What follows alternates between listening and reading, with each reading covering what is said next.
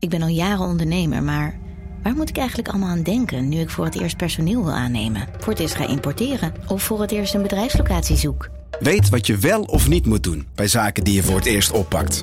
Check kvk.nl voor praktische stappenplannen. KVK, hou vast voor ondernemers. Al 125 jaar kwaliteit voor jou thuis met Miele. Dat vieren we met jou. Ontvang nu tijdelijk een cashback tot 125 euro op veel Miele-apparatuur. Geniet van de kwaliteit van Miele. Voor perfect verzorgd wasgoed en kleding die veel langer mooi blijft. Voor een stralend schone vaat, even perfect als jouw diners. En een stofvrij thuis waarin echt hygiënisch schoon de standaard is. Check miele.nl voor alle feestelijke aanbiedingen.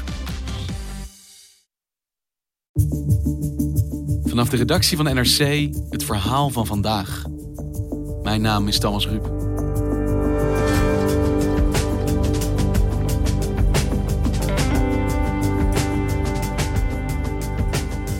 Het klinkt als een paradox. Negatieve rente.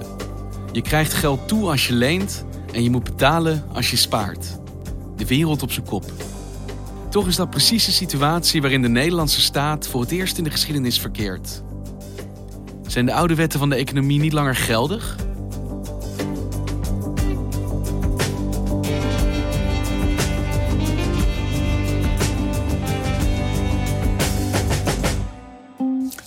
De spaarrente is al tijden aan het dalen en langzaam maar zeker komt de nul in zicht. Grote vraag is, wat dan? Wat als je geen rente meer krijgt op je spaarrekening? Of nog erger, zelfs moet bijbetalen? The number of countries with negative interest rates is growing.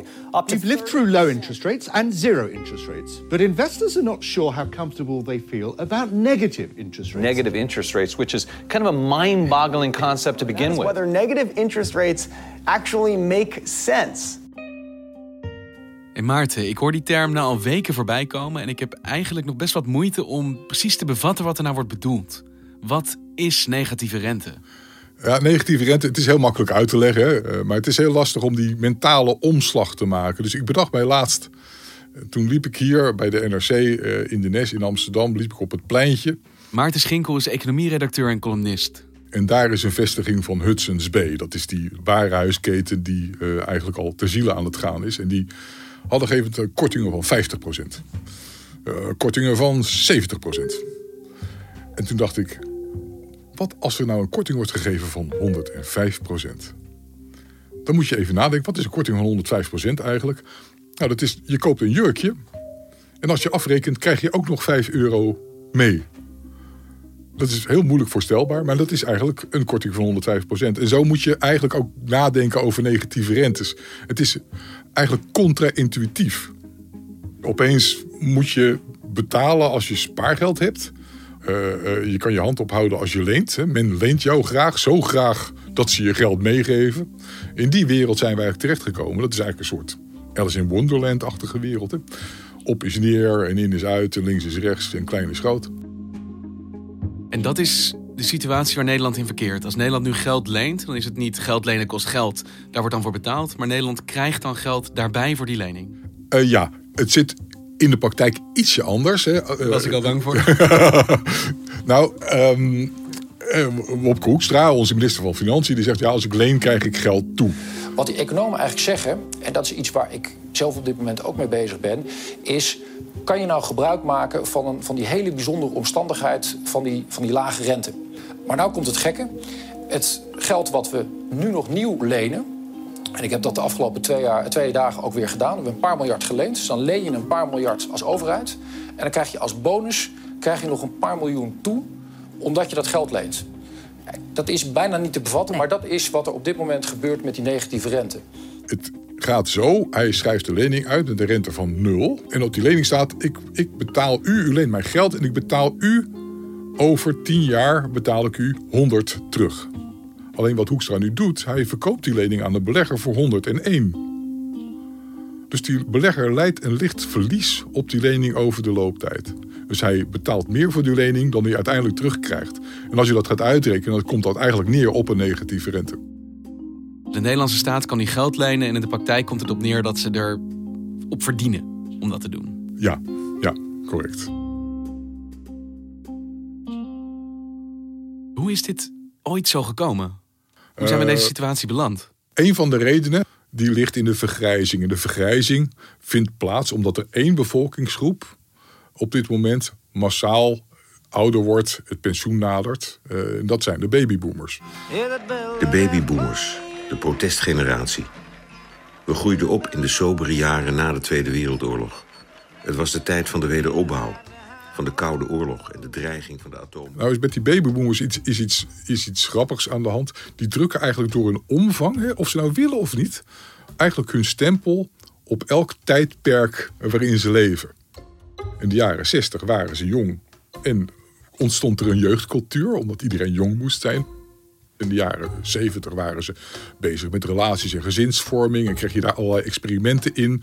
In de jaren 80 werd het toch wel eens tijd om carrière te gaan maken. En werd in de jaren 80 ook het tijdperk van de loopbaan en carrière. Thatcher, Reagan, greed is good. De terugkeer van de ondernemer als heldfiguur. En we zijn eigenlijk nu zijn we eh, in het stadium dat zij massaal aan het sparen zijn of zijn geweest voor de oude dag. En er dus een enorme spaarvloed is ontstaan die ergens naartoe moet. Als je een overvloed hebt aan spaargeld, dan heb je een groot aanbod van spaargeld. Eh, als je een groot aanbod hebt, dan gaat de prijs naar beneden. Wat is de prijs van geld? De prijs van geld heet rente. Dus je moet je niet verbazen als die rente omlaag gaat, als er steeds meer geld wordt aangeboden. Dus hoe meer spaargeld, hoe lager de rente. Dat is ook een Eh, wet. eh, ja, dat is gewoon de wet van vraag en aanbod in, in, in wezen. Tot op het punt dat we, waarop we bijna zijn dat de bank zegt van... ho, ho, u komt met uw geld nou liever niet. En je zegt die basis is eigenlijk dus bij die babyboomer generatie die met zoveel zijn en die eigenlijk de laatste jaren, omdat ze ouder worden allemaal tegelijk, Ja. massaal op hun geld zijn blijven zitten in plaats van dat ze dat uitgeven. Nou, men spaart. En babyboomers zijn natuurlijk niet de enige oorzaak. Hè. Eh, je moet niet denken dat het nu allemaal ligt aan de babyboomers. Daar zijn de babyboomers zelf ook een beetje moe van en terecht. Er wordt vaak over babyboomers gedaan alsof ze het allemaal echt gedaan hebben. Maar ze zijn gewoon met zoveel dat ze, eh, dat ze gewoon bepaalde, bepaalde eh, verschijnselen gewoon veroorzaken of ze willen of niet. Ja, en, en Ja, je, ja. iedereen voelt denk ik instinctief dat sparen in principe verstandig gedrag is. Maar jij zegt op het moment dat het op zulke grote schaal gebeurt, dat iedereen dat doet, dat eigenlijk op dat uitgezoomd niveau heel ontwrichtend is voor ons. Ja, en wat wij dus hebben, wat wij dus hebben is, eh, wij sparen in ons pensioenfonds. Wij sparen particulieren er ook nog bij. En onze overheid spaart ook nog. Want wij hebben natuurlijk nu vier jaar van begroting- begrotingsoverschotten achter de rug. Dus onze staat is een netto spaarder geworden. hè. Die lost netto leningen af. Maar je schetst dus een probleem. Er wordt te veel geld vastgehouden. En nou ja, zoveel spaargeld betekent dat de rente automatisch eigenlijk omlaag gaat. Mhm. Is dat een actieve ontwikkeling of is dit gewoon een, een natuurwet die nu eh, eh, ja, die gewoon automatisch plaatsvindt omdat dat spaargeld er is? Goedenavond. Iedereen heeft ermee te maken. De hoogte van de rente. Extreem laag is die en dat blijft voorlopig zo. De Europese Centrale Bank heeft zijn belangrijkste rentetarief... dat wordt doorberekend aan banken... namelijk verder omlaag gebracht naar min 0,5 procent. Er is vorige week donderdag een bijeenkomst geweest van de ECB. eh, De voorlaatste eh, bijeenkomst met eh, Mario Draghi als president.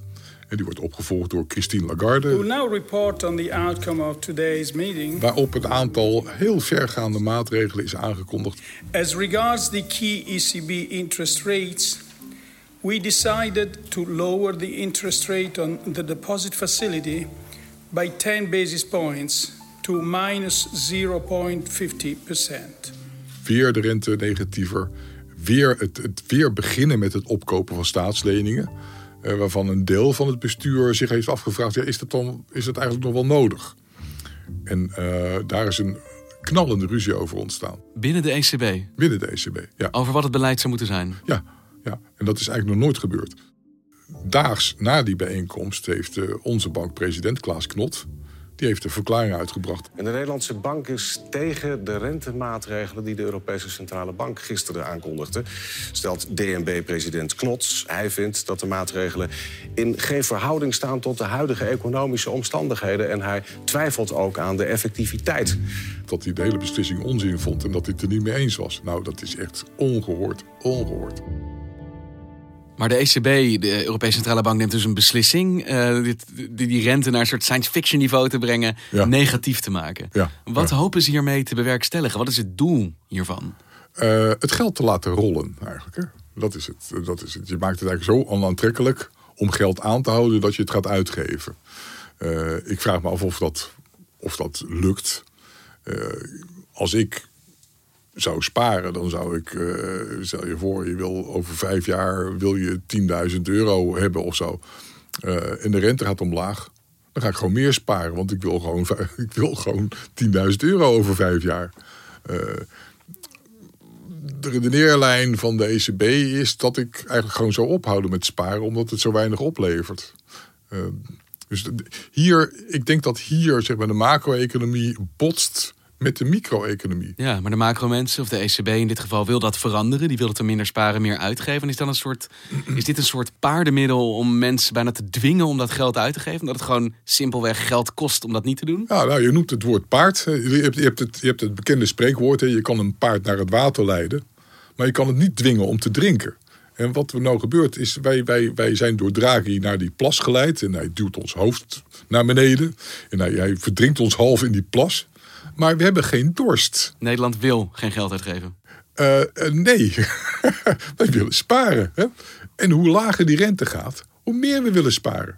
En mensen horen nu al wat drie, vier jaar dat hun pensioenen worden gekort. Nou, stel je voor, je zit tegen, je- tegen je pensioen aan. Je bent wel wat 55, het duurt nog een jaar of 10, 11, 12. Dan denk je, god, ik krijg straks helemaal niet zoveel als ik dacht dat ik krijg. Weet je wat ik ga doen? Ik ga sparen. Nou, dat kan toch niet de bedoeling zijn van dit beleid? Hè? Want verwijt de ECB bij monden van Mario Draghi ons iets? Zegt hij eigenlijk Nederland gedraagt zich niet zoals het zich zou moeten gedragen? Ja, hij, hij zegt in wezen, ja, jullie zijn altijd kritisch op mij. Maar kijk eens naar jezelf. Heb je zelf ook niet de plicht om, eh, eh, eh, om de economie aan te jagen? Je kan de Europese Centrale Bank wel alle kastanjes uit het vuur laten halen. Maar wat wil je dan? Wil je nog negatievere rente? Wil je nog meer bedragen die in de markt worden gepompt? Je kan ook zelf, gewoon als overheid, gewoon meer geld gaan uitgeven, de economie stimuleren. Dan hoef ik, Draghi, niet zoveel te doen. En sterker nog, het is eigenlijk best wel goed voor je eigen pensioenfonds als je dat doet. En in die redenering helpt Wopke Hoekstra, onze minister van Financiën, onze pensioenfondsen door een begrotingstekort aan te gaan. Dan moet je me toch meer uitleggen. Ja, Hoe goed, werkt dat? Ja, Alice in Wonderland. Een pensioenfonds krijgt op dit moment natuurlijk steeds lagere rentes op wat die belegt. Eh, aandelenkoersen zijn al hoog. Vastgoed is al heel duur geworden. Dus er valt weinig winst meer te behalen. Maar ja, in de toekomst liggen er al die verplichtingen van het pensioenfonds... van de mensen die straks wel een pensioen willen krijgen. Want die moeten ze uitbetalen. Die moeten ze uitbetalen. Nou, stel je voor, Hoekstra die begint te lenen. Want lenen is zo goedkoop geworden. Lenen is goedkoop geworden. Eh, hij kan het zich permitteren. De staatsschuld is laag. Eh, hij heeft een begrotingsoverschot. Door te lenen en uit te gaan geven, stimuleert hij de economie. En neemt hij de druk weg op de centrale bank om nog extremer beleid te gaan voeren met nog lagere rentes.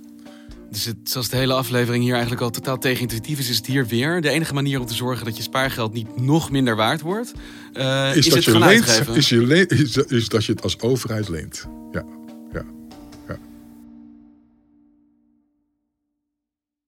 Hey, we hebben het hier natuurlijk over hele grote schaal. We hebben het over Mhm. Nederland, we hebben het over staatsobligaties, we hebben het over banken, de Europese Ja. Centrale Bank. Ja.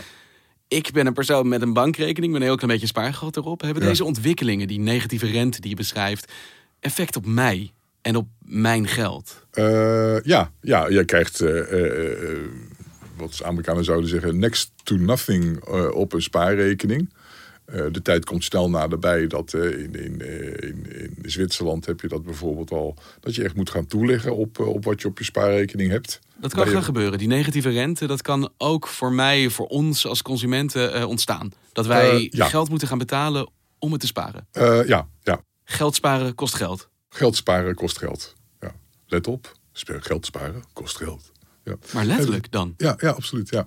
En, en het, het, ehm, het grappige daar weer van is dat als je die rente heel erg negatief begint te maken en je rekent mensen ook echt negatieve rentes, wat gaan mensen dan doen?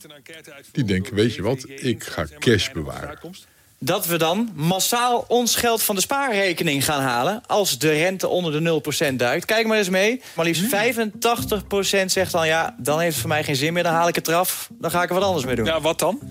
Bewaren in een oude sok. Het is Oude- bijna... eh, oude sok. doet een beetje aan Donald Duck denken. Maar in ieder geval het dus van de bank halen... en thuis ergens opslaan. In een oude sok, een nieuwe sok of onder de matras. Ja, ik zou dat zelf ook overwegen. Op het moment Ja. dat ik mijn bank moet betalen om het geld daar te houden. Waarom zou ik dat dan doen? Nou, kijk, het nadeel van cash was altijd, ja, het geeft geen rente. Maar dat is, wordt dus nu, nu het voordeel van cash. Je hoeft in ieder geval geen, rente te betalen. Dat is in onze samenleving zijn negatieve rentes natuurlijk theoretisch nog. Hè. Eh, Het is nog niet eh, zover. Het is nog niet zover. Eh, wat, wat, eh, de, de- rentes die onze banken worden berekend bij overtollig geld door de Europese Centrale Bank, die zijn negatief. Eh, de effectieve rentes op staatsleningen zijn negatief. Maar de rentes voor ons als publiek nog niet. Nou ja, je kan je voorstellen dat banken niet staan te springen natuurlijk om dat, eh, om dat over te brengen. Om geld te gaan vragen voor spaargeld. PR-technisch is dat eh, vrij naar. Ja, ja. Hey, en de huidige situatie, die van negatieve rente, je noemt Mhm. Ja. het een soort Alice in Wonderland situatie. Mhm. Maar is het iets wat gaat blijven?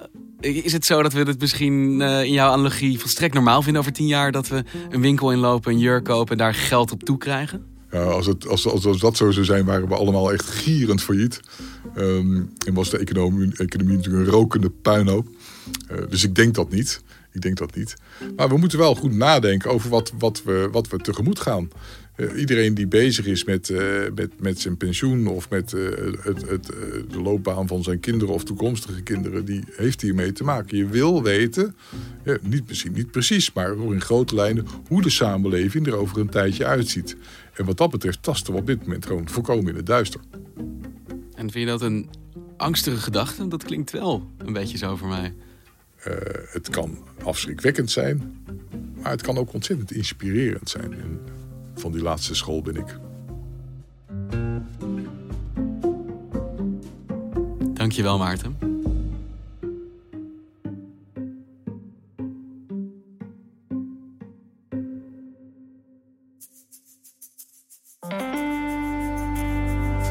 Je luisterde naar vandaag, een podcast van NRC.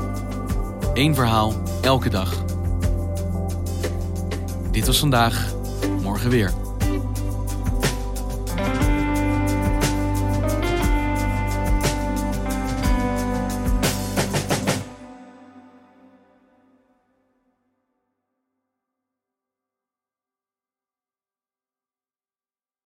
Technologie lijkt tegenwoordig het antwoord op iedere uitdaging.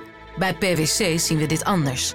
Als we de potentie van technologie willen benutten, kunnen we niet zonder een menselijk perspectief. Human-led, tech-powered noemen we dat. Ga naar pwc.nl.